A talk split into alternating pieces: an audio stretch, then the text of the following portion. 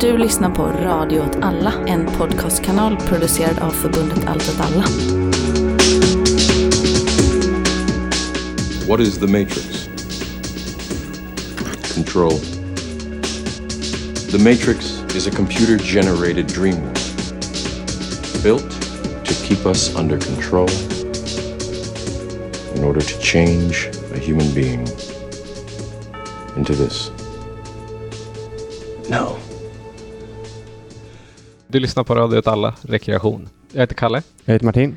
eh, och idag ska vi prata om governmentality. Ja, precis. Men vilket nummer är det avsnitt av? Åtta. Är det är, åtta? är jag nästan hundra på. Jag kan, vänta, jag googlar nu. Det är, det är så häftigt att, att, att, man har, att man har sån här information vid sin finger, vid fingertoppen numera. Mm. Det är den här nya digitala eran. när, när som helst kan man få tillgång till vilket avsnitt man spelar in. Ja. Eh, jag råkar också gå fel, så det tar jättelång tid. Jag laddar jättelångsamt. Mitt internet långsamt och så vidare. Ja, det var avsnitt åtta. Ja, vad bra. Eh, Men, men, eh, men eh, innan vi går in på det stora, stora ämnet ska vi prata lite kort om att det fortsatt går jättebra för podden. Ja, Det är kul. det är kul. Det är också kul att det är folk som går in och, och, och följer Spotify-listan. Ja, Det, det tittar jag på. en seger Ja, i det lilla. jag märker också att rätt många går in, trycker att de ska prenumerera och sen en vecka senare ungefär avprenumererar. Det tycker inte jag är ett problem, för det är, det är bara att någon velat hitta en specifik låt. Och det är inte så konstigt. Men det kan vara så att Ronny James Dio skrämmer iväg folk. Ja, det är absolut. Apropå det, vad ska man köra för musik till det här avsnittet? Det har känts ganska självklart hittills. Alltså att när vi pratat Mm. om jättemycket italienska grejer, att man kör så italo-disco. Eh, eftersom eh, vi antagligen kommer bli tvungna att prata om ett fruktansvärt dåligt begrepp som heter nyliberalism rätt mycket i det här avsnittet, Mm. så borde man ha med cumbia vigere, som är en eh, musikstil som uppkom i slumområdena på 90-talet i Argentina. Ja. Så är den fattigdomen som uppkom på grund av liksom, IMFs åtstramningspolitik. Ja, vi kan, Så ta, det- vi kan det- köra det i kombination med så eh, new wave, 80-tals new wave, så Talking Mm. Heads och sånt. Eh, Ja. Divo. Jag har andra sidan haft en väldigt svår sån postpunkperiod precis och lyssnat mycket på Ja, Joy Division. ja men det är också Order. väldigt mycket passande just nu. Ett annat, en annan väg att gå, tänkte jag på vägen hit, skulle vara att man bara kör franskt tema. För att vi kommer prata relativt mycket om olika fransmän.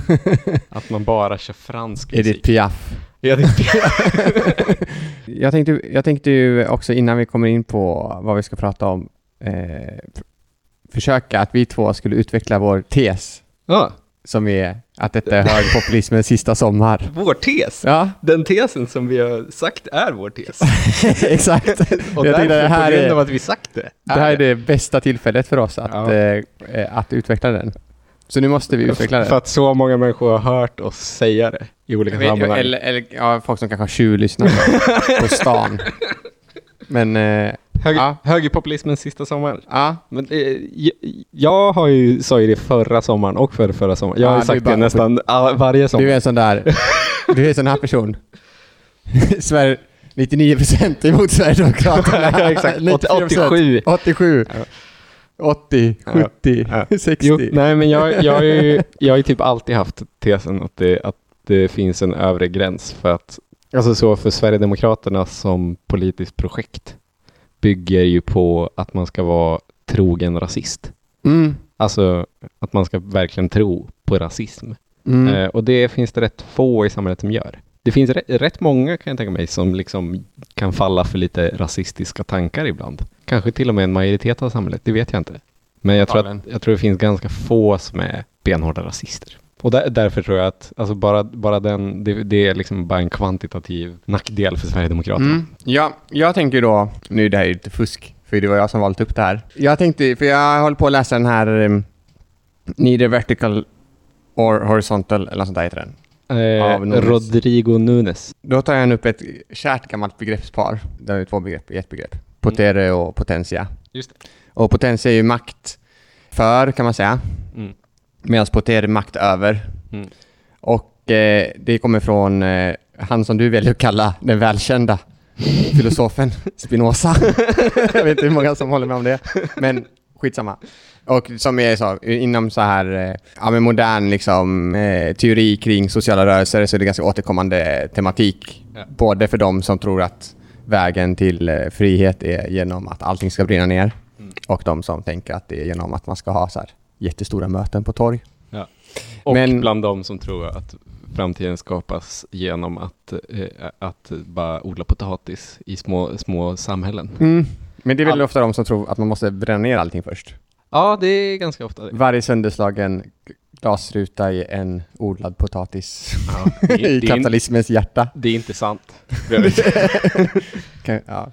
Men i alla fall, det, det är begrepp så att kan man liksom använda, jag tror man kan använda det, man kan applicera det på alla politiska rörelser, inte bara vänsterrörelser, utan man kan också applicera det på högern. Och alla rörelser har ju alltid ett mått av eh, potentia och ett mått av poter. Alltså potentia är ju det här liksom livfulla, energiska delen av en rörelse som liksom bryter eh, ner gamla förståelser, skapar liksom en, en ansamling energi som är väldigt produktiv. Det finns liksom... Som också är expansiv. Ja, Alltså som, som drar in, alltså på grund av att den drar in nytt Mm. folk hela tiden och nya subjektiviteter så Och förändras den också. Potär är ju helt enkelt då kan man säga förenklat institutionaliseringen av samma rörelse, det vill säga Mm.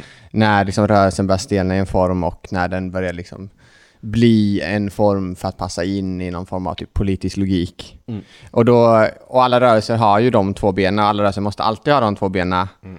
Eh, för att en politisk rörelse är ju bara en ansamling energi, mänsklig energi på något sätt. Och det måste ju, för att en rörelse ska lyckas, så måste den ju på något sätt eh, organiseras och på något sätt liksom ingå i någon form av förhandling innan citationstecken. Det kan också Mm. alltså förhandling i form av hot eller förhandling sådär. Men det måste ju finnas en, någon form av organisering och det är där liksom, och organisering per se leder ju till, på något sätt till internationalisering och poter. Mm. Och det är det jag tänker som är liksom därför det är högpopulismen sista sommar. Så även om SD skulle få fler procent i valet eller till och med hamna i regeringsställning så är den rörelsen på väg att dö för att den här delen som är potentia, som i deras fall kanske var alla de här svamparna av eh, alternativmediasidor och Ja. olika sjuka försök till gatuprotester som aldrig ledde någonstans och Ja. massa muppar som muppade mupp runt liksom, eh, är, är ju borta. Ja, eller alltså, eh, alltså eller liksom... nu kommer ju folk säga det är inte sant, utan, eh, utan idag är Sverigedemokraterna mer nära sin, sin eh, så högersvans, eller så extrem högersvans än någonsin. Och det tror jag är sant. Ja, men, det, men det tror jag snarare är ett tecken på just svaghet. Mm. Alltså att, att banden, alltså att det inte längre är informella och ekologiska band Nej, däremellan, exakt. Utan Men- att det är väldigt formella, att det är så Precis. Riks måste, eller så, de måste aktivt stötta de här Ja. sjunkande skeppen. Liksom. Exakt. Det, det går inte bra för Exakt 24 liksom. Nej. Eh, nej, och det går inte så bra för Riks-TV heller. Nej, det går jättedåligt. Eller vad det nu heter. Men också att liksom hela alternativmedia, all, det finns ju fortfarande kvar så småsidor, men det stora eh, flaggskeppet har alltid varit Nyheter Idag. Mm. Alltså gamla A-pixlat på något sätt. Nej, det, De hade någonting med andra nej, det är samtid, sam, Samnytt du tänker på. Ja, Samnytt ja. Samnytt är gamla APIX. Mm. Men eh, Nyheter Idag är ju flaggskeppet och de har ju blivit ett flaggskepp just för att de har liksom dels gått med på typ det här etiska ramverket och bla bla bla och de har ju bara blivit som vilken tidning som helst egentligen, Ja. fast jättesuperrasistisk. Ja, och med en riktig edgelord. Ja, grifter Liksom. liksom, som, eh, Ja. som verkligen har sålt in sig smart. Men eh, i alla fall, jag tror det är liksom mer ett tecken på en rörelse i förfall. Att liksom den här ekologin eller den här miljön som ändå fanns, eller vad man vill kalla det, eh, runt högpopulismen är liksom väck. Ja. Och det som finns kvar har institutionaliserats Mm. och det utövas någon form av poter liksom i rörelsen. Att man Ja. försöker tygla den, man försöker binda den till partiet. Ja. Eh, istället för att liksom ge pengar till någon galning i Kristianstad som gör någon sjuksida så Ja. anställer de folk via partiet för att göra en egen mediasatsning i samband med val och så vidare och så vidare. Eh, så det det är snarare det som är tecken på eh, att den rörelsen som sådan är på nedgång. Men samtidigt så, så får man ju såklart brasklapp på säga typ att alla partier har ju blivit Sverigedemokraterna. Jo, absolut. Men ehm, Men, men, men typ så, jag, det, det, det är ju liksom en kritik man kan ha mot vänstern också. Att, att det enda som finns som inte är Vänsterpartiet är så himla menlöst. Liksom. Alltså Mm. att, det, att, det, att det är tandlöst. Ja. Och att det liksom alla känner alla. Ja. Att, att den, liksom, den typen av liksom, väldigt täta liksom, informella och formella band eh, är, är inte ett tecken på styrka utan tvärtom är ett tecken Ja. på svaghet. Liksom. Nej, precis. Eh, och det är det man känner när man ser så att okej, nu har nå- någon AFS-are har tagit fram ett dataspel, okej, och så kollar man på en video om det och så är det bara okej, det, här, det här är alla i hela Sveriges så, eh, rasistmiljö som är på den här eh, releasen. Mm. Och alla har av någon anledning en annan titel än, va- än deras riktiga. Så okej, nu, är, nu är William Hane dataspelsutvecklare. Fast alltså, alltså så, Ja. att, att det, är bara, det är bara ett live liksom, det är på Ja. låtsas. Samma känsla får man ju när man går på vänstermöten och man möter folk som säger att de är någonting och så vet man, men jag vet ju, alltså så att, att alla sitter på alla stolar liksom. Ja, precis. Så- det är verkligen... Och det är ju att miljön är inte expansiv. Ja, nej, precis. Men det är väldigt... Men också att då... Även om liksom SDs politik har fått genomslag och äh, invandring till Sverige är mer eller mindre helt strypt och, eh, och så vidare och så vidare. Det är fruktansvärt liksom, klimat när det kommer till just rasism. Det är väldigt populärt just nu. Ja. Och så här brott och straffdiskussionen är helt sjuk och så vidare. Ja. Och folk tycker att det är okej att jorden brinner upp, för det är Ja. bara propaganda och så vidare. Så är det ändå, eh, tror jag ändå, att just att den rörelsen försvinner är ju på något sätt ett slut av liksom nästan en 10-15-årig period i Mm. svensk politisk historia. Och då innebär ju det också att när den rörelsen liksom tappar i kraft så finns det också en ny möjlighet för andra rörelser att ta vid. Ja. Rörelser som inte jag kan peka ut nu vilka det är. Nej. Men någonting annat kommer ju ske. Ja. Och, det, behöver ju inte vara Nej. en höger, högerrörelse. Nej. Och, då, och då återkommer vi lite till det vi pratade om i förra avsnittet där jag snackade om reven, Revenge of the Real och sånt. Mm. Alltså så olika teorier om att, eh, eh, att covid och klimatkrisen tillsammans har liksom bara knäckt hela kulturkriget. Mm. Att det är så, att det blir, eh, och att kriget i Ukraina har gjort det. Ja. Eh, att, att det är så helt omöjligt att, att, att prata kultur och prata värderingar och prata symboler Mm. eh, i en tid där världen håller på att brinna, gamlingar dör eh, och det är krig på andra sidan liksom Sundet. Baltikum. Ja. alltså så, eh, Jo, verkligen. och, och det, det, jag vet inte om det är en så jävla bra tagning egentligen för att det, den bygger på, på något sätt på att, att, att folk har liksom varit lurade och, och, och nu, nu är det omöjligt att bry sig om sådana här menlösheter igen. Men det, det vet jag inte. Så kan det ju å andra sidan vara.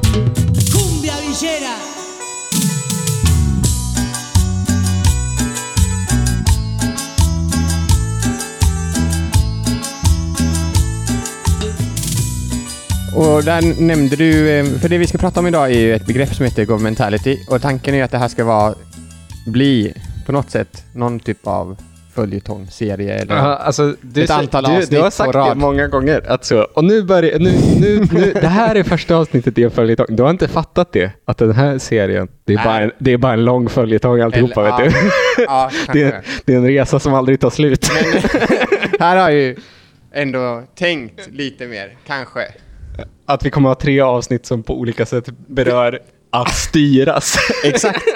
Och det här är en, det är en väldigt viktig fråga, tänker jag. Eller det är, en, det är kanske inte så mycket en viktig fråga, men det är en fråga som liksom alltid har förföljt eh, alla som har velat förändra samhället. Ja. Om man är vänster eh, eller om man är något annat. Och i eh, boken Ante Oidipus, som mm. Dilas Guattari skriver, så finns det, jag fattar typ hälften av den boken, men det finns ett väldigt bra citat som är formulerat av någon helt annan snubbe som vi inte kommer ihåg. Reich. Det är ganska ofta så i de här jättesvåra böckerna att de bästa citaten det är citat från någon annan. Ja, precis. Men de ställer ju, ja. Men då, då, är, då, då är det liksom en fråga han då skriver liksom är så här. Eh, att man frågar sig ofta så, varför eh, rånar fattiga banker? Den, den vanliga så här, filosofiska frågan är varför rånar fattiga banker? Och så kommer man fram till så, ja men det är för att de är fattiga, bla bla bla. Men han är då lite mer radikal, så han frågar sig, att han, ställer, han vrider på frågan och säger, varför rånar inte alla fattiga banker? Ja, det. Och det sammanfattar väl lite det här problemet för eh, människor som vill förändra samhället i grunden. För man, eh, som vänster då, så har man ju alltid en idé om att ja, men det här samhället är ju helt absurt. Mm. Till exempel, ja, men det brinner i halva Europa men ingen bryr sig om klimatet. Eller det är liksom de största så här, inkomstskillnaderna i Sverige på vet Mm. inte hur många år. Och så vidare. Välfärden går på knä. Man kan hitta hur många saker som Ja. helst liksom. Eller typ, det är jättejobbigt att vara mörkhyad i Ja. Sverige just nu. Ja, det är bull. Ja. Men, men, men det, det, bara för att f- f- fastnar vi i exempel. Alltså just klimatkrisen är ju ett otroligt exempel just på hur vansinnig världen är. Och att, och att alla är helt medvetna om hur vansinnigt det är. Och att, att, att det på något, alltså att, att, att vi alla är medvetna om det gör att vi att vårt sjukdomstillstånd är ännu grövre. Det hade varit en grej om vi bara inte fattade att, att allt var på väg åt helvete. Men nu fattar vi det. Men vi gör ändå ingenting. Nej, det, är, ju- det är på något sätt det sjukaste Ja. ett samhälle kan vara. Liksom. Ja, verkligen. det, det, det är liksom Ja, man sitter ju dystopi. bokstavligt taget att just nu, exakt i detta nu, i ett brinnande hus. Ja, ja. Och, och du, du och jag gör inte heller något. Alltså så, bara, bara, bara för att poängtera just Nej. så eh, eh, sjukdomstillståndet. Verkligen. Jag tycker det är fortfarande skitjobbigt att typ källsortera. Ja, gud ja. Och det är en Fy väldigt liten, fan. liten del av liksom det, den lösning som krävs. Ja. Men kanske en del av det. Men i alla fall. Och, men då, och då är frågan så här, varför liksom, typ som Deleuze och Guattari, de skriver mycket om liksom begäret till att styra så här. Vad, det är ju hela deras liksom projekt egentligen går ut på är att försöka förklara på något flummigt sätt varför liksom folk suktar efter ett begär att, att tuktas och liksom lida. Ja. Och andra kan vara så här, det finns massa olika förklaringsmodeller på det här. Vi, Typ som Zizek, han är mycket inne på ideologi. Mm. Det finns liksom en omedveten och medveten kunskapsproduktion i, i liksom det kapitalistiska samhället som på något sätt döljer de egentliga motsättningarna och så vidare. Mm. Väldigt lätt eh, förklarat då.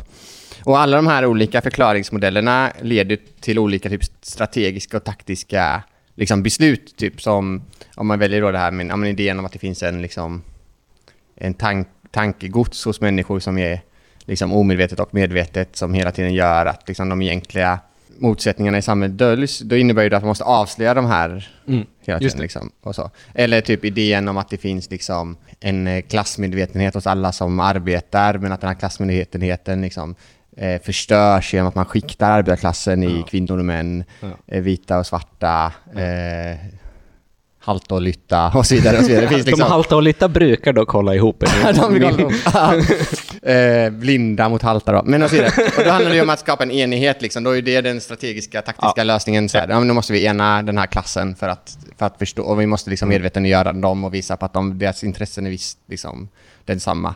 Och det att här är väl mer inne på typ så långa resor för att förstå det egentliga begäret. Men de är flummiga fransmän. Men eh, alla, alla de här är ju delvis sanna såklart. Det är ju Ja. klart, det pågår ju någon form av, eh, det är ju bara att sätta på typ TikTok och kolla vad folk håller på med. Eller Instagram eller Facebook eller TVn så ser man ju att det pågår någon form av typ medveten och, och icke-medveten ideologisk produktion av idéer som på något sätt Typ Instagram hypebeasts som är så, det enda du behöver göra det är att köpa ett hus och hyra ut det och vara fastighetsägare. Precis. Och att det är drömmen. Exakt. Det, det, det kan man ju hävda är lite ideologiproduktion.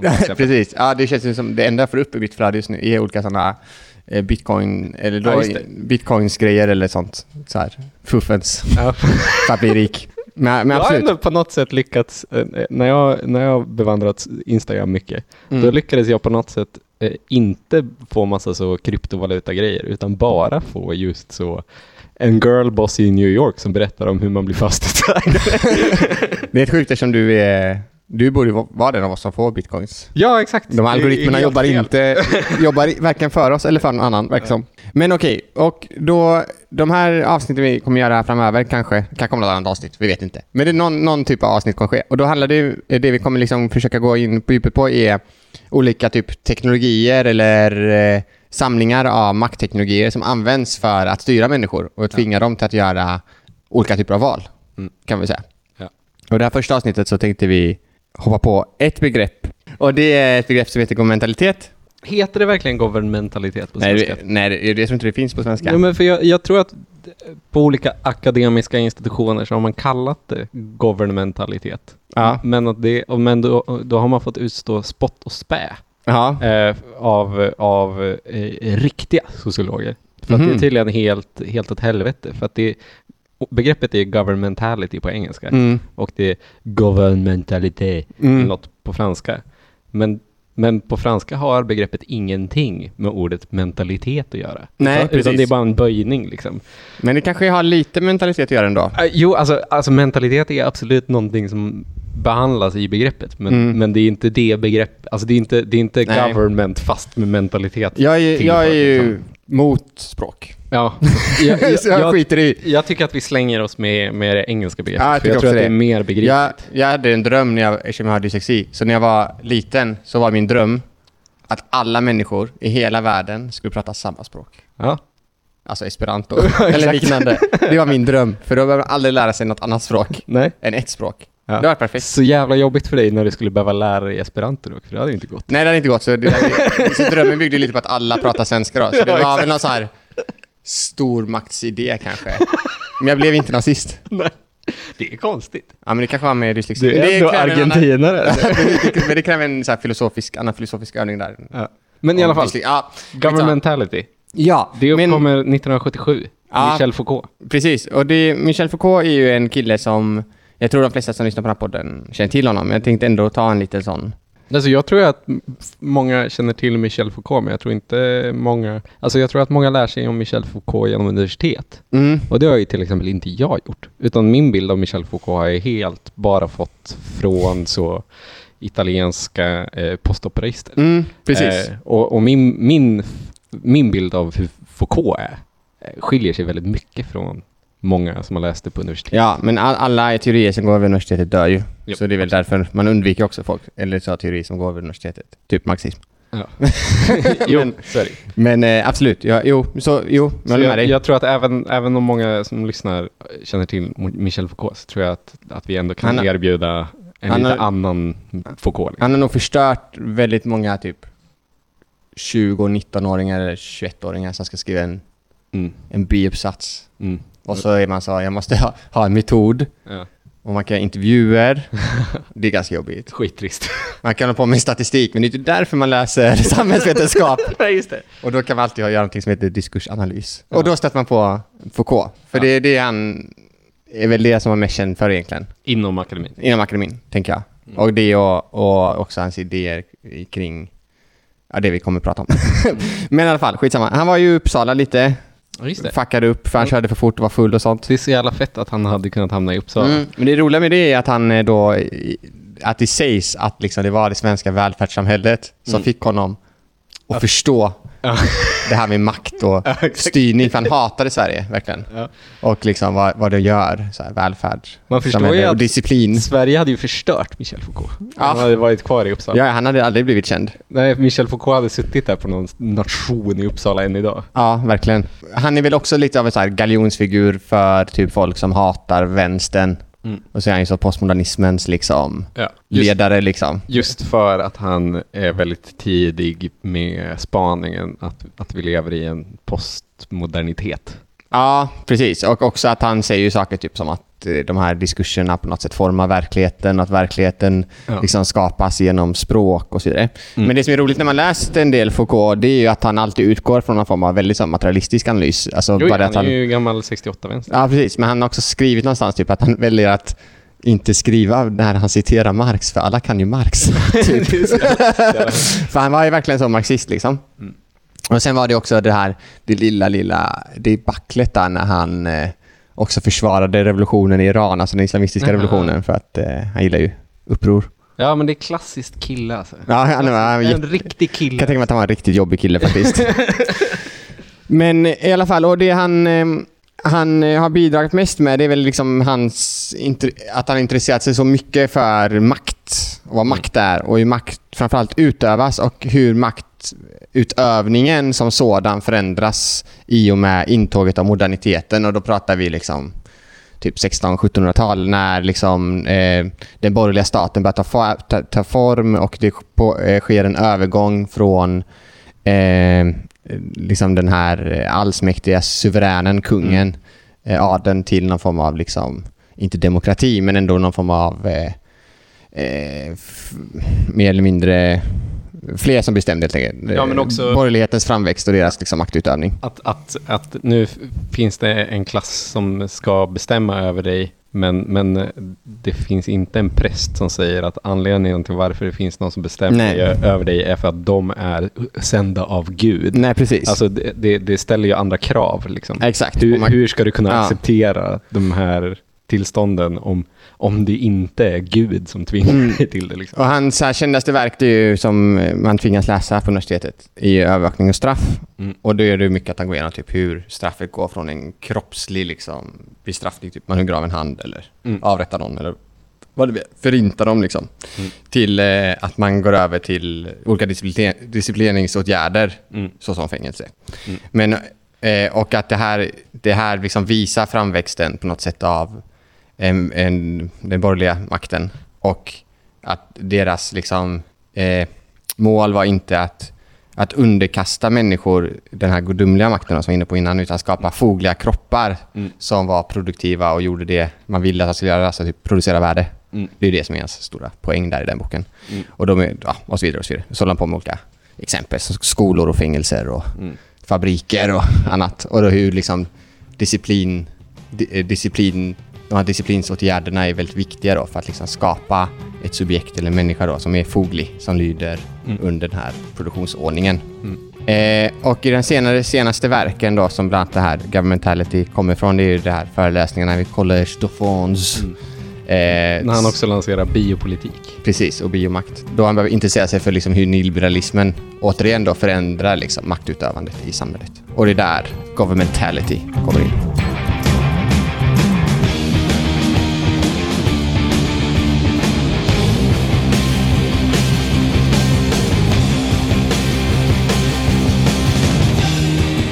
Du har ju, du har ju, suttit, på, du har ju suttit och grillat hela dagen och blivit frågad vad ska ni prata om Mm. i podden? Och då, och, då, och då har du tydligen fått repa vad du ska säga nu. Så, Ja. så om du inte gör det här jävligt tajt nu så kommer jag vara väldigt besviken.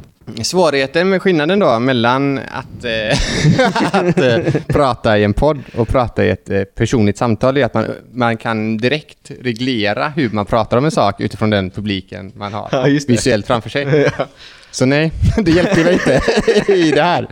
Men governmentality är en ordlek lite grann. Det är att man lägger ihop government Mm.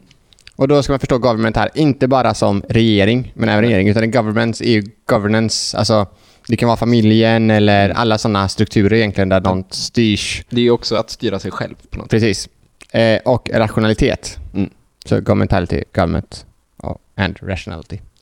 Så det är liksom framväxten av eh, ett, ett indikatsystem Mm. av maktteknologier som, som åsyftar att skapa eh, the conduct of conduct. Det är väldigt viktigt så begrepp. Alltså, eh, det går typ inte att översätta.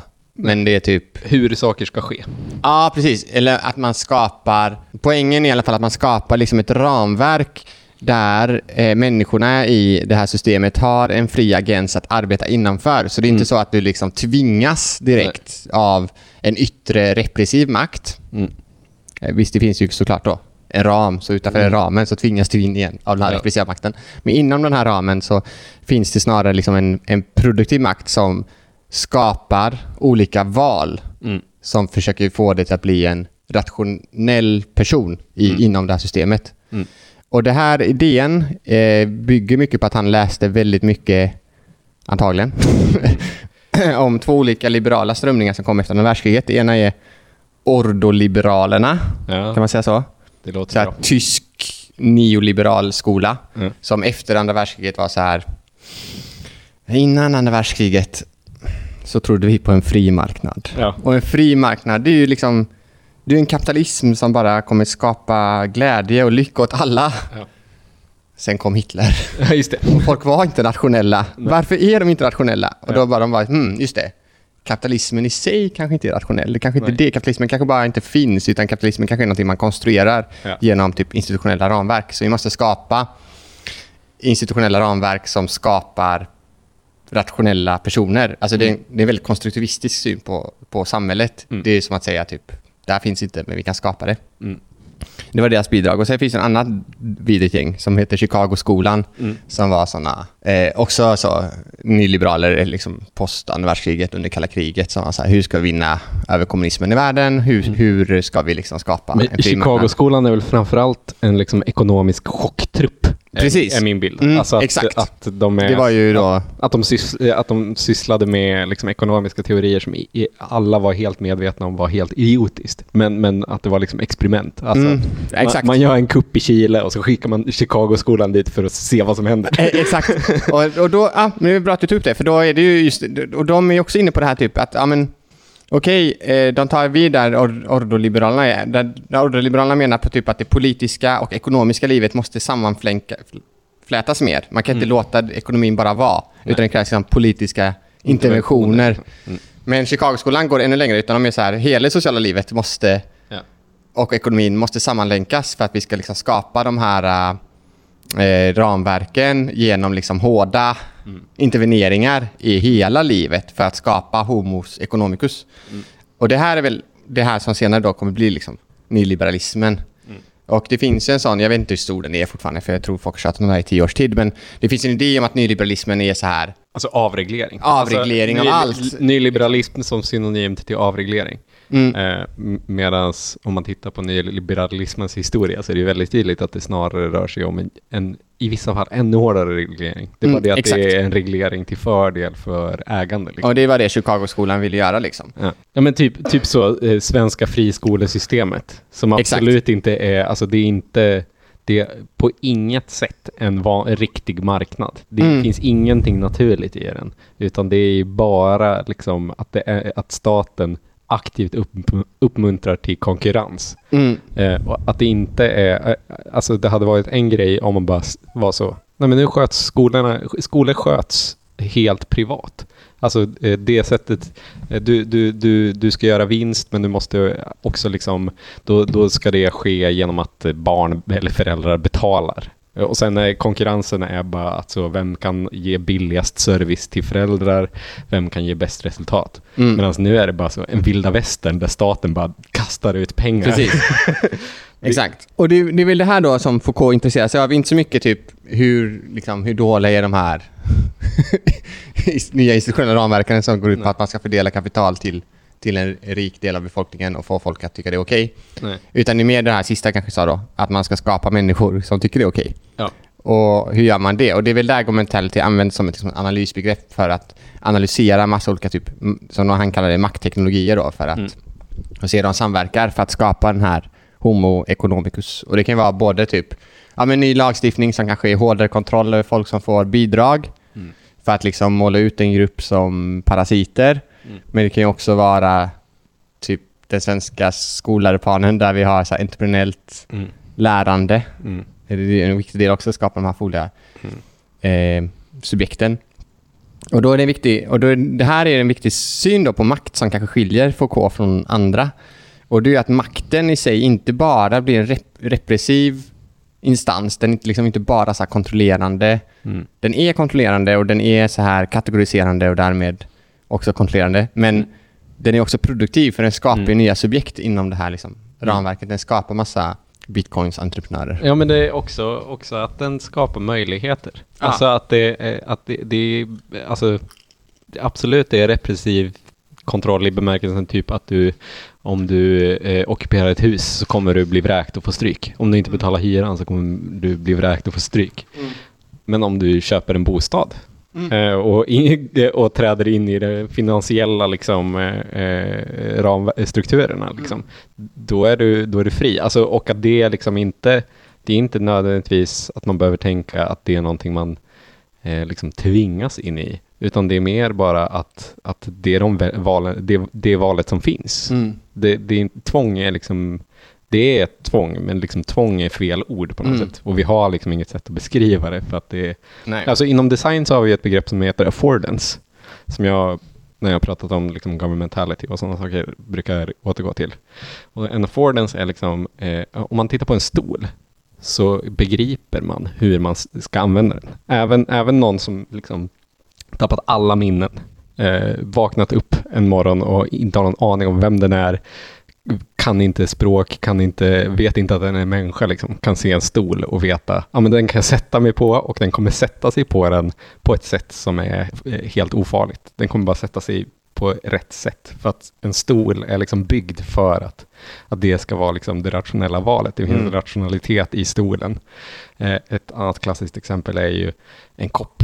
Eh, en kopp har liksom ett öra eh, som gör att du vet att det är här jag ska stoppa in mina små fingrar Mm. för att lyfta den för att inte bränna mig. Eh, alltså, och, och, och, och när jag pratar om governmentality så brukar jag beskriva det som liksom affordances. Alltså att Mm. det är så, eh, eh, den här eh, träda in i finansmarknaden, det kanske inte är ett tvång, utan det kanske snarare är ett öra på en kopp liksom. Precis. Men det är också... jag- jag- Ja, precis. Och det, jag tänker att det är en av de här maktteknologierna, alltså typ skapandet av möjligheter att göra olika val, alltså Mm. rationella val. Mm. Eh, bli en homo economicus, Mm. dricka koppen rätt liksom.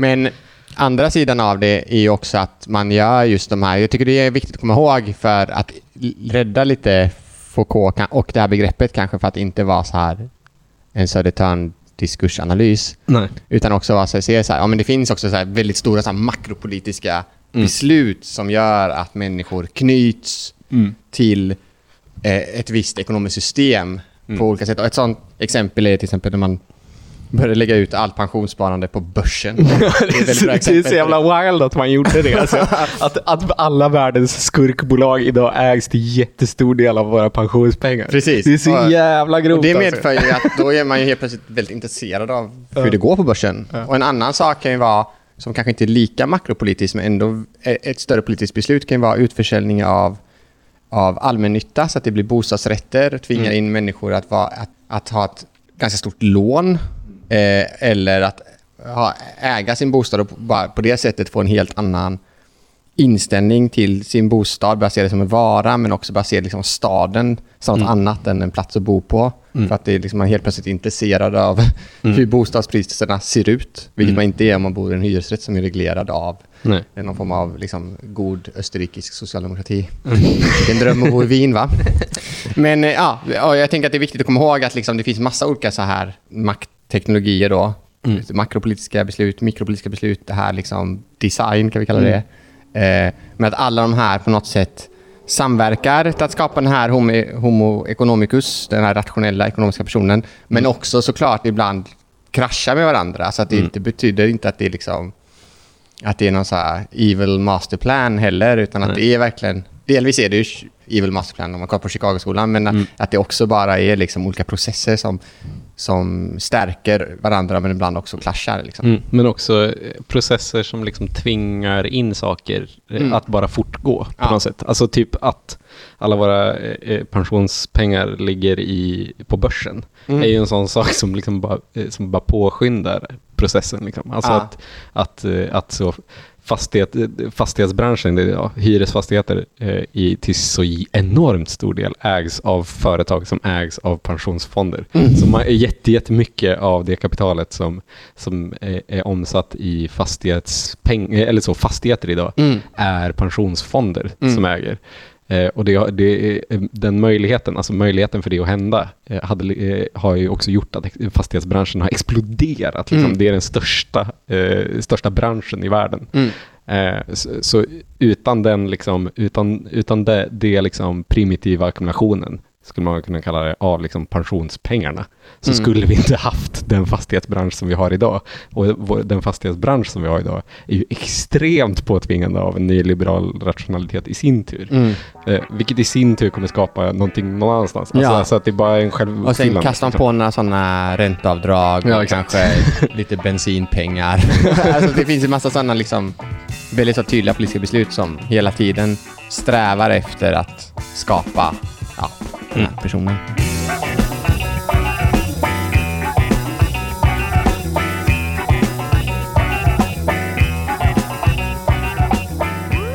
Maurizio Lazzarato, Mm. som vi läste en bok av Mm. för Det typ ligger också två böcker här på bordet. Ja, härligt. För, för typ ett år sedan läste vi den väl? Eh, eh, men han, i, i Experimental Politics så har ju han ett, ett fantastiskt stycke som just handlar om eh, nyliberalismen som, som någonting påtvingande. Och det är att, att så, när, när man pratar med nyliberala ideologer så beskriver de det som att, eh, att människan är i sin natur Mm. eh, en, kon- en konkurrerande varelse. Den gillar att tävla. Mm. Eh, naturstadiet är liksom just eh, konkurrens. Mm. Eh, Medan klassiska liberaler har en, kanske inte nödvändigtvis motsatt, men väldigt tydligt annorlunda syn på mänsklig natur. Och, eh, och de säger att mänsklig natur är att byta. Mm. Eh, och i byte så i byte så finns ju på något sätt en liksom, inneboende liksom, likvärdighet. Att det är så du byter X av Y mot Z av något annat. Alltså så, Mm. eh, Och att de är jämbördiga. Alltså det, det sker inga byten som är liksom lurendrejeri. det är inte det som är mänsklig natur. Utan mänsklig natur är att byta tre äpplen mot två päron och säga att de är värda lika mycket på något sätt. Liksom. Mm. Eh, Så, så på många sätt så är de väldigt olika. Men det är inte nödvändigtvis så att, att det bara är en sk- skiftning i den liksom, synen på människan, utan det är också att nyliberalen säger att mänsklig natur är att konkurrera. Mm. Men i sin handling så är de väldigt tydliga med att mänsklig natur är att samarbeta. Det måste vi stoppa.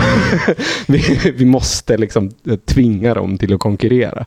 Eh, och, och ett, mitt roligaste exempel på det är jättenytt och det är att en moderat i Lund i en debatt arrangerad av Hyresgästföreningen st- står och pratar om, eh, om eh, renovräkningar. Mm. Hon, hon säger "Ren- eh, det är hemskt synd att, eh, att det är så att fastighetsägare eh, tömmer lägenheter och standardrenoverar alltihopa och höjer hyran med 50% Det är väldigt trist. Eh, Men det är dessvärre helt nödvändigt i den marknad vi befinner oss i nu för att eh, fastighetsägarna gör inte tillräcklig vinst, vilket bara för övrigt inte är ens nära sant. Liksom. Eh, och, då, och då säger en så god sosse, så Lundasosse, säger bara, fast där har vi ett exempel i Lund på en fastighetsägare där det inte stämmer. Och det är allmännyttan som faktiskt inte gör det. För allmännyttan i Lund är rätt bra, eh, skulle jag säga. Eh, sen finns det säkert massa skit med den också. Det vet jag ingenting om. Eh, LKF gör inte liksom renovräkningar. LKF gör inte topprenoveringar i tomma lägenheter. Nej. Alltså de har som policy att inte göra det. Och då blir hon moderaten så jävla arg och är så, ja, och det, jag ser det bara som ännu ett exempel på att jag har rätt. För att L, att LKF kan göra det, det är ju för att LKF inte följer reglerna. och det, och det är, där kan vi verkligen prata om rationalit, en så nyliberal rationalitet. Hon ställer upp ett problem, eh, renovräkningar, det är bull, det är trist att det händer. Får ett exempel på en fastighetsägare som gör någonting som inte är det. Och då är hon så, fast det är ju fel. där, där kan vi snacka om så eh, eh, koppöron. att det verkligen, det finns bara ett rätt beslut här och det är att världen ska vara jävlig. Men jag, jag tycker eh, det med det du sa om mänsklig rationalitet och sånt, jag tänker att Ordo-liberalerna och Chicagoskolan var ändå så människan i sin, till sin natur är ingenting. ja, Att det var det som är deras poäng. Mm. Eh, Och att man måste tvinga människor att bli en nyttomaximerande person, annars Mm. blir det nazism. Eller Ja. Sovjetunionen. Så, så kan det mycket väl vara. Men, men när man frågar Annie Lööf till exempel. Ja, nej, nej. De, nej, nej, visst, absolut. Det finns väl en skillnad på... Men eh, ja, och om man då ska liksom försöka sammanfatta det här begreppet då, innan vi går vidare, då kanske man ska säga typ att det är en, en rad olika då, maktteknologier som liksom sammanlänkas i det här begreppet. Och, men syftet med alla de här maktteknologierna är att skapa den här homo economicus, kan man säga. Och det är väl det som är governmentality. Så använder man liksom, inom vetenskap så, så tar man governmentality och så ser man, kollar man på olika dokument och annat och så säger man Mm, nice. här, här sker det. Mm. När, när du nämnde ju Maurizio Lazzarato där. Mm. Och han har skrivit en bok som heter Capital Hates Everyone. Just det. Som är jättebra. Men, så jävla dålig titel dock alltså. Ja, fast han är också en gubbe. Ja. Så han blir så här, han blir så gubbigt upprörd i sina böcker i början. Men ska, ska, när vi ändå pratar om Lazzarato, ska, ska vi förklara lite vem han är? Ja, han är en sociolog som eh, är från Italien och flydde till Frankrike då efter 82 när de började döma alla i Italien för vad de hade gjort under 70-talet. Mm. Och han tillhörde Negris gäng, Mm. kan man säga. Han, Tillsammans med Bifo och andra. Ja, precis. Och han blev sociolog i, i Silvia Frankrike. Federici. Och han Fast är hon flydde till USA direkt va? Ja, jag tror det. Jag vet faktiskt inte. Jag tror hon gjorde en kort stint i Paris Ja, också. hon kanske inte kommer passa in i de här jättejobbiga killarna. Eh, Men i alla fall, eh, han är ju, i den boken är väldigt så... För då, det är väl det man kan kritisera liksom Foucault för lite här, när han i sina beskrivningar, det är mycket så, våld och så absolut i hans beskrivningar av liksom, hur makt föds fram då, men i de här liksom, föreläsningarna som handlar om governmentality så är det väldigt mycket, trycker jag väldigt mycket på det här med att man skapar liksom eh, individer med möjligheter till olika val och bla bla bla. Men Lazarattos poäng, för att också återkoppla till Chicagoskolan, är att nyliberalismen eh, och dess sätt att skapa Homo economicus föds ju ur liksom enormt våldsamma processer. Dels då, som du tog upp, Chile under Pinochet ett sånt urexempel, att liksom eh, han gör militärkupp, dödar 3000 chilenare. Eh, och sen kommer de här Chicago Boys, bara nu gör vi det här, skriver om konstitutionen som har röstat om nu. Det är därför den har varit så viktig liksom, att, att eh, få bort. Eh, och liksom försöker då skapa ett nyliberalt eh, heaven. Och det är samma sak i Argentina, dör eh, mellan 30 och 40 000 människor. Och där är det också sånt nyliberalism, liksom. eller alla de här liksom, IMFs liksom, när man skuldsatt länder under eh, kalla kriget och sen tvinga tillbaka återbetalningar genom hårda, hårda liksom, eh, åtstramningspolitiska program som Ja, att folk så- svälter ihjäl och så, Ja, eller så Ryssland i- 89. IMF är så, eh, jaha, du vill eh, att ditt land ska fungera. Jag är hemskt ledsen, men då måste du sälja allt. Ja. Nej, det blir inga skolluncher.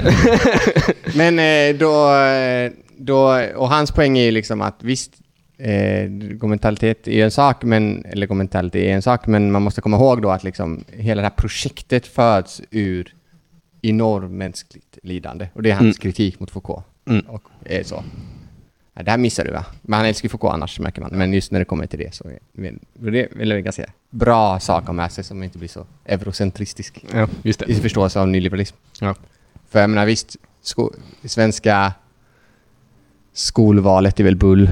Ja, men jag, ja, jag, min poäng om svensk Men det är värre att bli torterad på en arena i Jo, Chile. ja, absolut. Min, min poäng om svensk nyliberalism är väl mest bara att, att svensk nyliberalism är liksom det yttersta exemplet just på att, att nyliberalismen bygger på statlig makt och statligt Mm. tvång. Att, att, det, att det inte går att separera. Mm. I, att det inte handlar om avreglering. Liksom.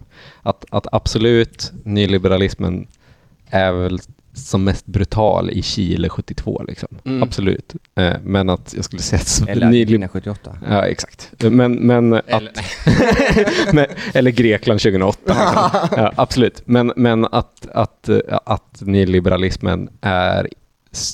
Det finns ingenstans där den är så välutvecklad som i Sverige. Nej, Alltså precis. vi har ju en så fruktansvärt bra nyliberalt maskineri. Ja, absolut. Det, rationaliteten är genomsyrande från topp till tå. Liksom. Mm, verkligen. Eh, och det är väl också en sån...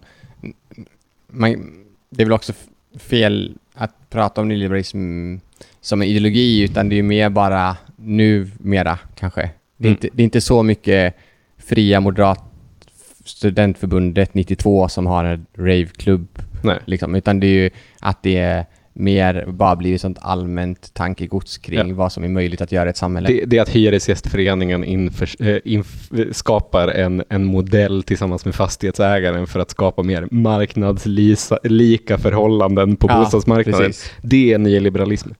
Avreglering av marknad, eh, hyresmarknaden, alltså typ mar- marknadshyror, Ja. det är inte nyliberalism. Nej. Alltså absolut, på många ställen så kanske det är det, men i Sverige så har vi ett så fantastiskt fungerande maskineri att det inte ens behövs. Nej, exakt. För allting händer i Chicago Allting snurrar, hjärnan känns som en tornado Känns som slutet memorerar mina vanor Dock att se mig ha det bra, inget nytt jag är van. Ja, governmentality from the left. det, det är ju ett uttryck som du och jag inte var bekanta med förrän vi pratade med Keir Milburn. Nej, tack Eh, Keir Milburn. Tack Keir Milburn. Om du kan svenska så har du hört det här. Ja, exakt. Eh, Men, men det, det var, alltså det, man har ju tänkt i de banorna, alltså Mm. många gånger, många år. Eh, Men, men just att få ett begrepp för det tyckte jag var väldigt, Mm. väldigt härligt. Det har fått mig att tänka kring saker lite annorlunda och se saker lite annorlunda.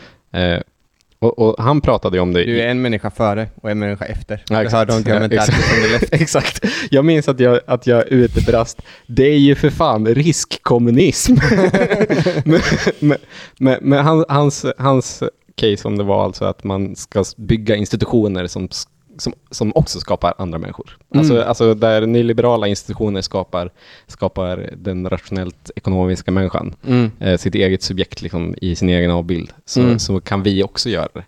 Eh, och, och, och med vetskap om det så växer ju en massa idéer om hur, hur det skulle kunna göras. I Kim Milburns fall så är det att man jobbar med eh, public common partnerships som vi pratat jättemycket om. Mm. Eh, alltså att man skapar institutioner kring ägande som eh, bygger på det gemensamma snarare än det privata. Så att man får sa- eh, människor att se sin relation till sin egendom annorlunda Mm. genom att äga den tillsammans med andra helt enkelt. Ja.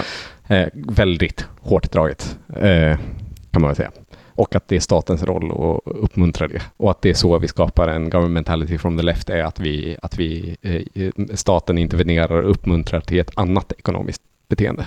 Precis. Än, än det nyliberala kapitalistiska. Det är väl det, är väl det som vänstern egentligen alltid säger, Mm. eh, men som man aldrig liksom riktigt handlar på. Det är att, eh, för det, om vi återgår till de här nyliberala eh, tankesmedjorna, de här ordoliberalerna i Tyskland och Chicago School, mm, så var ju de också så här, vi liksom, de, man erkänner på något sätt att det ekonomiska, politiska och sociala eh, livet är samfällt. Liksom. Att det är Mm. viktigt att alla de tre terrängerna eh, ageras på liksom, för att skapa det här nya subjektet. Mm. Och jag tror att vänstern ofta har en förmåga att bli liksom, att man eh, på något sätt reducerar människan till enbart en ekonomisk person. Mm. Alltså att det, du vet, det, hur många gånger har man inte hört det? Typ att ja, men kampen står på arbetsplatsen eller Mm.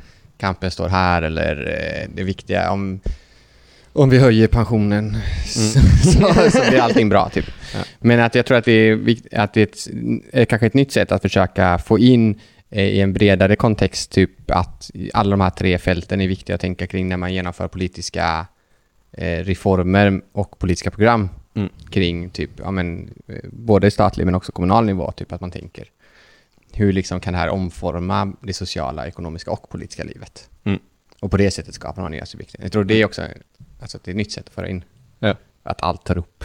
Ja, men, men, men, eh, men där tror jag dock att, typ, att en höjd garantipension kan, kan jag tycka är en så ganska schysst exempel just på governmentality. Alltså det är ju på något sätt eh, att man erkänner människor i egenskap av människor. Mm. Eh, att det är så, jaha du, du, är, du är 67 och har gått i pension och du har haft ett normalt jobb. Ja, Eh, absolut. Ja, men då, då, då ska du kunna leva på det du har. Ja. Eh, det, alltså, eller så, ah, okej, men du är 67 och går i pension eh, och har inte haft något jobb. Ja, men då ska du också kunna leva. Men här tror jag det jag tror det här kommer då, nu sätter jag på min epostyktoral Mm. hjärna. alltså min poststrukturalistiska hjärna. din, din hatt de poste strukturell. Exakt. Förlåt alla som kan spanska. Men att just då är, tänker jag hur man diskursivt bes, Ja, beskriver en sån reform. Alltså att, för när man pratar typ, nu jag, kommit, jag vet inte varför jag tog pensioner som exempel, det är så jävla tråkigt. Men också jätteviktigt säkert för jättemånga människor. Ja, Förlåt, alla, mamma. alla, alla blir gamla. Alla blir gamla. Eller ja, vissa dör unga. Ja. Rest in peace. Men i alla fall, hur man diskursivt liksom beskriver, för det, det är väl det också som är så här governmentality, att, att man, man kallar typ skattesänkningar för jobbskatteavdrag. Ja, Eller man, när man säger att man subventionerar bostadsrättsägare säger man inte, utan man säger ränteavdrag. Eh, Rotavdrag. Rotavdrag, Som bara är att, att de, du får skitmycket pengar. för att liksom göra om ett kök som är helt funktionellt. Ja. Men i alla fall, det finns massa sådana saker. Men det handlar ju om hur de diskursivt liksom beskriver reformen också. Så att om man då hade varit så här, vi ska införa garantipension, för ingen ska ju behöva jobba. Mm. För vi kan göra det här tillsammans mycket bättre. Du ska ha mer tid och utveckla dina kunskaper kring handmåleri. Mm. Det är viktigt liksom. Det är också viktigt. Det är inte bara viktigt att jobba. Mm. Medan nu blir ju mer diskussion om pensioner typ, de har gjort rätt för sig. De har Mm. varit på sitt Exakt. jobb. Bla, Exakt. alltså jag tänker att det kan också falla in i en sån Jo, ja, nyliberal idé om vad man förtjänar. Ja, gud ja. Men om, man, om det har funnits liksom en, en, en, eh, en kraft i samhället som var mer så typ beskrev den typen av reformer fast på ett sätt som liksom undertryckte skapandet av den nya människan på något Mm. sätt. Att citera Che. Guevara. Ja. Så, så, så, så, så jag tror det är väldigt viktigt att komma ihåg det i relation till begreppet för att Ja, inte alltså, helt urvattna det. Maurizio Lazzarato, hans eller så, det experimental politics handlar om är ju egentligen bara, eh, det utgår ju helt ifrån en militant undersökning som genomfördes i Paris av liksom kretsen kring Negri eh, när A-kassan för kulturarbetare skulle Förändra. Ja. Eh, det var ju ett år sedan jag läste det här, så jag minns lite svajigt. Eh, men, men då är ju deras stora poäng utifrån det var ju då alltså att, att den här a-kassan som alltså är liksom att man betalar in en summa varje månad. Man är, man är prekärt anställd in, som kulturarbetare i, i, i Frankrike. Man jobbar liksom säsongs eller så jobbar man, man jobbar ofta halva året eller så nio månader. Eh, och sen är man arbetslös under perioder. Liksom. Eh, men alla som är med i den här a-kassan är också helt beroende av varandra för att det man jobbar med är kultur. Så det är så himla det är så väldigt tydligt att det man gör är, är inte är produktivt i ett vakuum utan att man agerar i en miljö. Liksom. Alltså du som dansare är ingenting utan en kulturell miljö där dans är meningsfullt. Liksom. och din, din konst Dans är alltid meningsfullt. din konst är liksom ingenting om den inte utvecklas och den utvecklas ju inte av dig utan den Nej. utvecklas ju av hela miljön liksom. Mm. och i sin tur av samhället runt det. Liksom. Ja. Eh, så, så då menar ju de på något sätt att, att det här interventionen, den här nyliberala interventionen, när man attackerar den här a-kassan, är just ett angrepp på den vetskapen om att alla är beroende av varandra. Ja. Och att, att, att de som tjänar bra måste betala mer till den här a-kassan så att de som tjänar lite får mer av a-kassan. Mm. Liksom. Eh, eh, just eftersom att alla är medvetna om att de, de är inte i konkurrens med varandra utan de är i ett beroende av varandra. Mm. Liksom. Eh, så, och, och, och där tänker jag att just alla sådana system där, av liksom, eh, där man gemensamt stöttar upp varandra i, i, i en vetskap om att man är beroende av varandra skulle jag Mm. säga är, väldigt utmanande för liksom, den nyliberala rationaliteten. och det är också därför alla sådana systemen avskaffats eller har vridits till just sådana. Eh, om du inte, att, att, att, det, att det blir en select-klubb, du, du måste uppfylla vissa krav för att få vara med i och så vidare.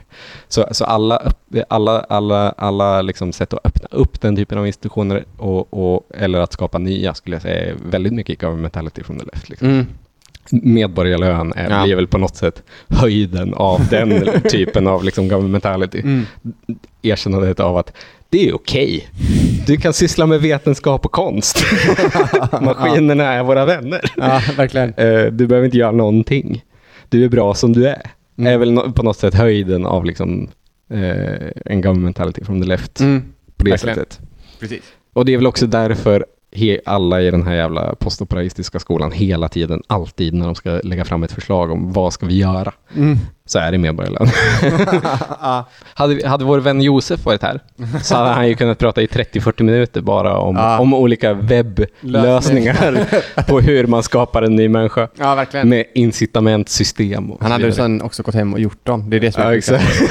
Och bästa. Josef. Om vi, om vi bara gör en token som... Så jävla fett. Jag vill ha en token. Men, eh, nej, men jag, jag tänker också att, eh, som jag sagt, jag tror det handlar mycket om att bedriva den här typen av reformarbete, liksom som, eh, om, om man vill det då. Man kan ju också välja att slå sönder fönsterrutor. Men, Plantera potatis. plantera potatis om, om man väljer det. Men då tror jag att det är viktigt att man liksom framar dem också som sätt att bryta, alltså framar dem som sätt att faktiskt också försöka skapa en annan typ av samvaro, en annan typ av, av människa i samhället. Ja, också troligen för att jag tror att det är många som hade tyckt att, alltså så, om vi bara antar positionen att det här är en, en diskursiv Mm. fråga, liksom, då tror jag att det är rätt många som hade känt så, eh, ja, det är väl ändå rimligt att, att, att man inte ska bara lämnas av samhället. Nej, precis. Och att man inte måste göra rätt för Nej. sig. Vad fan är det liksom? Jag tror att det, det bor ju jättemycket folk i Sverige som är väl medvetna om att det inte finns något göra rätt för sig. Liksom. Att det bara är bullshit. Ja, liksom. verkligen. Jo, så är det ju. Eh, men jag tror också att de här senaste typ 15, 10 åren, 20 åren kanske, har ändå medfört eh, mycket av en förändring i synen på eh, folk som tar del av de sociala välfärdssystemen eller socialförsäkringssystemen i form av socialbidrag, a-kassa och så vidare. Alltså Mm. att man verkligen har lyckats på något sätt också genom att måla upp eh, olika grupper som eh, parasitära eller som att de liksom lever på andra människors arbete. Mm. Eller att de till någon form av transfereringsklass genusvetare i Örebro och så vidare. Eh, men jag tror verkligen att det också är ett tankegods som man nog inte ska underskatta, att man har lyckats, på något sätt också Mm. vinna den kampen. Ja, och då är ju frågan, ska man, eh, hur man ska hantera det. Ska man bara lämna walkover eller ska man vrida på det eller ska man bara eh, vända det på ända? Alltså Mm. att vrida på det skulle ju då kunna vara att man typ är så Staffanstorps kommun. Alla ni som bor här och betalar skatt i Staffanstorp men jobbar i Malmö och är helt beroende av Malmös liksom, ekonomi. Ni är beroende av att vägarna till Malmö finns. Ni är beroende Ja. av att vägarna i Malmö fungerar. Ni är beroende av massa fattiga människor som går i skolan i Malmö sen tar skitjobb på ditt företag. Mm. Du, du kanske borde betala skatt i Malmö. Ja, verkligen. Det hade man ju kunnat, där, där kan man ju prata om folk som inte gör rätt för sig. Ja, verkligen. Men sen vet jag, jag, det kan jag tycka är, jag, jag tror att man har mer att vinna på att just eh, erkänna människor som människor och Ja. inte liksom... Nej, men, nej, absolut. Men det handlar väl om eh, just att skapa sådana sammanhang där man producerar andra typer av idéer kring vad som är möjligt men också vad som är rationellt. Alltså en annan typ av rationalitet. Och det, det, är, väl, det är väl det man har gjort politiskt. Mm. Eller det man försökt göra politiskt den tiden man varit aktiv. Alltså genom olika typer av, inte bara typ så stora liksom, eh, reformer som det skulle innebära att hålla på med public common partnership, alltså Mm. att man investerar i allmänningar från statligt håll, att staten tar riskerna men att det liksom hanteras av vanliga människor, utan också typ i händelser som på något sätt eh, eh, bryter med liksom, homo economicus. Det kan ju vara vad som helst. Att man, bara tving, eller så att man tvingas till att, att agera på ett annat sätt som bryter med den idén om rationalitet. Det kan ju Mm. vara en ockupation. Mm. Jag, jag tror ju också att eh, eh, det eh, subkulturer Mm. har ju ganska ofta agerat ganska bra just i att utmana liksom, Mm. rationaliteten för att man har visat folk att, att det är roligare. Att, alltså man lever ett roligare liv eh, när man lever lite på kanten till samhället. Ja. Liksom. Precis. Alltså typ, eh, fatta vad kul det var att vara hippie liksom. Mm. Och de var inte produktiva för fem öre. Liksom. Jag tror att just den, den eh, glädjen och begäret Ja. inom det liksom, var väldigt viktigt. Alltså att, att, att eh, rationaliteten var, ska jag, ska jag bo kvar här i min villaförort? I, eller ska jag, ska jag hänga med i min kompis van på, Ja, på Grateful Dead-turné? Liksom. Ja. det är klart jag gör det. Ja, det låter ju verkligen. skitkul. Liksom. Men jag faktiskt, eh, när, när du säger det så kommer jag ihåg att jag faktiskt tänkt på det hela veckan. Just på om det här med algoritmerna och, och liksom eh, vad, vad man får upp för olika sjuka människor som berättar om olika sjuka deals Mm. man kan göra Mm. och sånt. Men att det verkligen krävs någon typ av modern motrörelse, motkultur. Liksom. Jag tror det är Mm. också väldigt viktigt. Och jag tror inte heller det är någonting man kan fostra, tyvärr. Nej. Eh, Det men- går ju emot hela idén. Ja, precis. Men, men ändå, alltså just att det finns en sån motkulturell rörelse tror jag är väldigt viktigt. Och tillsammans med de här då feta PCPs. Och, och medborgarlön. ja, medborgarlödiga. och höjd pension. Exakt.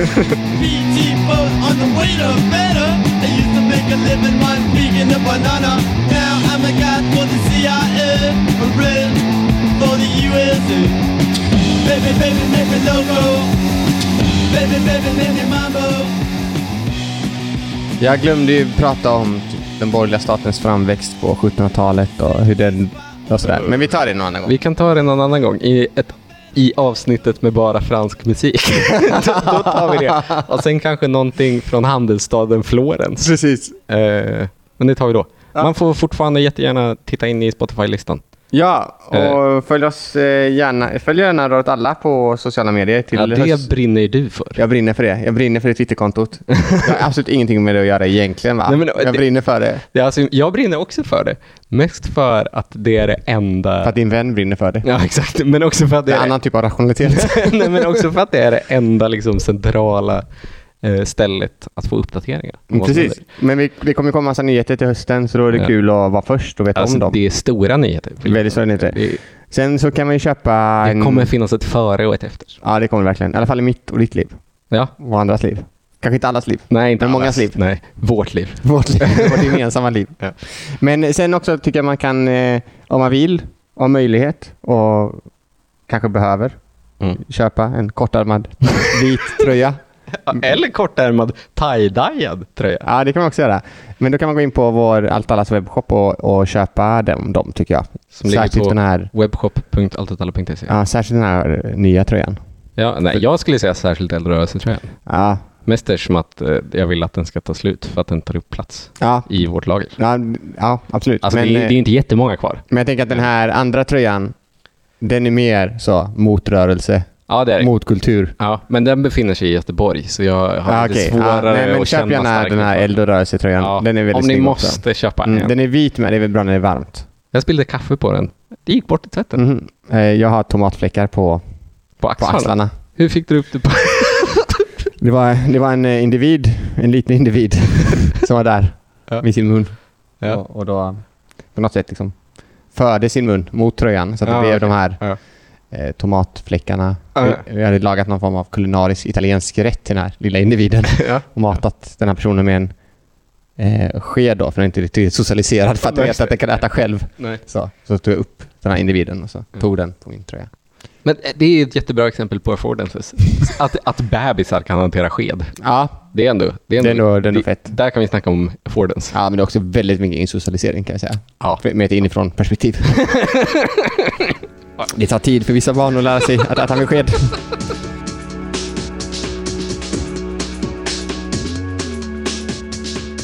Men det är ju också Lazzarato som eh, typ ish skapar eh, teorin om immateriellt arbete. Ja, inom postoperaismen i alla fall. Det är fint. Eller jag vet inte, skapar, men han är väl en, en av de som tar upp det mycket. Skapa och skapa, det är Mm. väl en gemen... exakt. det är väl allmänna intellekt. Ja, exakt. Han, är, bara- han bara skriver ner det. Som folk säger. Han bara låter allmänna intellektet kanaliseras. Han kan, han kan både franska och italienska. Exakt, det är sån jävla Han kan inte superkraft, engelska. alltså. nej, nej. Det kan han inte. Sån superkraft att kunna franska och italienska. Alltså. Man har kunnat få uppfinna så mycket saker. Bara hängt med i rätt gäng. 70, mellan 77 och 85.